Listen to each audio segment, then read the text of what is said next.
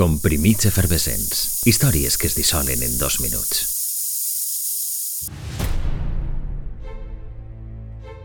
De tots els discos que el grup va editar amb la Capitol Records, va ser l'únic que va perdre diners.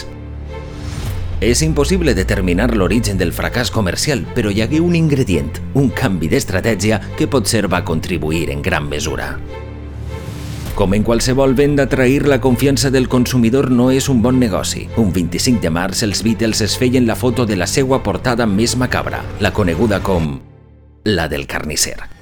En ella apareixien els quatre de Liverpool vestits amb bates blanques i coberts de trossos de carn i nines desmembrades. En realitat, la foto no estava pensada per a il·lustrar cap àlbum.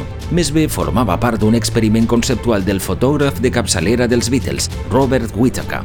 Però el resultat va entusiasmar tant al grup que convenceren a la força Capitol Records per a que protagonitzara la imatge del disc Yesterday and Today. El que no s'esperaven fou l'oposició total de les botigues de discos, sobretot nord-americanes, de posar en l'aparador la macabra imatge.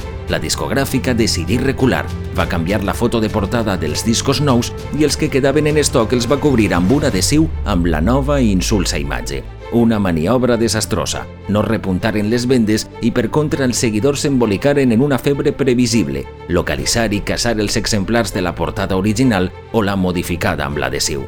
30.000 euros ha pagat algú per ella per una foto que es feien els Beatles un 25 de març de 1966.